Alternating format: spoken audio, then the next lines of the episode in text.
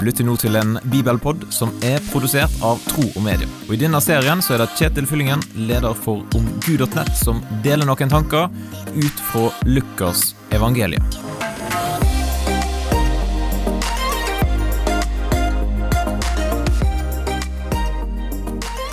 Noen ganger når vi oppdager noe bra, da ønsker vi å holde det for oss sjøl.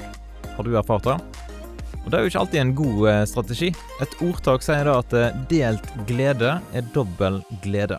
I dagens bibelpodtekst i evangeliet til Lukas, kapittel 4, vers 42-44, så står det Da det var blitt dag, dro han ut til et øde sted. Folk ga seg til å lete etter ham, og da de kom dit han var, forsøkte de å holde ham igjen, så han ikke skulle gå fra dem.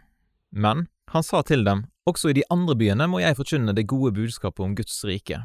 Det er det jeg er utsendt for. Og han fortsatte å forkynne i synagogene i Judea. Hvis du sitter med en god nyhet som gjelder alle mennesker, ja, da blir det jo galt å holde det for seg sjøl.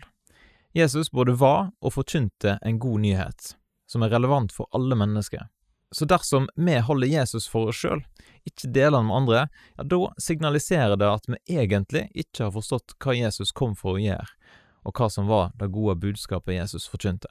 Evangeliet, budskapet om Guds rike, det var og det er relevant for alle mennesker, ikke bare de i Kapernaum eller Judea, men i ditt og mitt nabolag.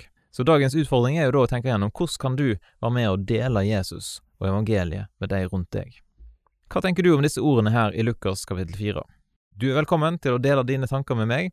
Du kan sende en e-post til kjetil.troogmedia.no. Og så setter jeg jo stor pris på om du har lyst til å dele Bibelpodden med noen som du kjenner.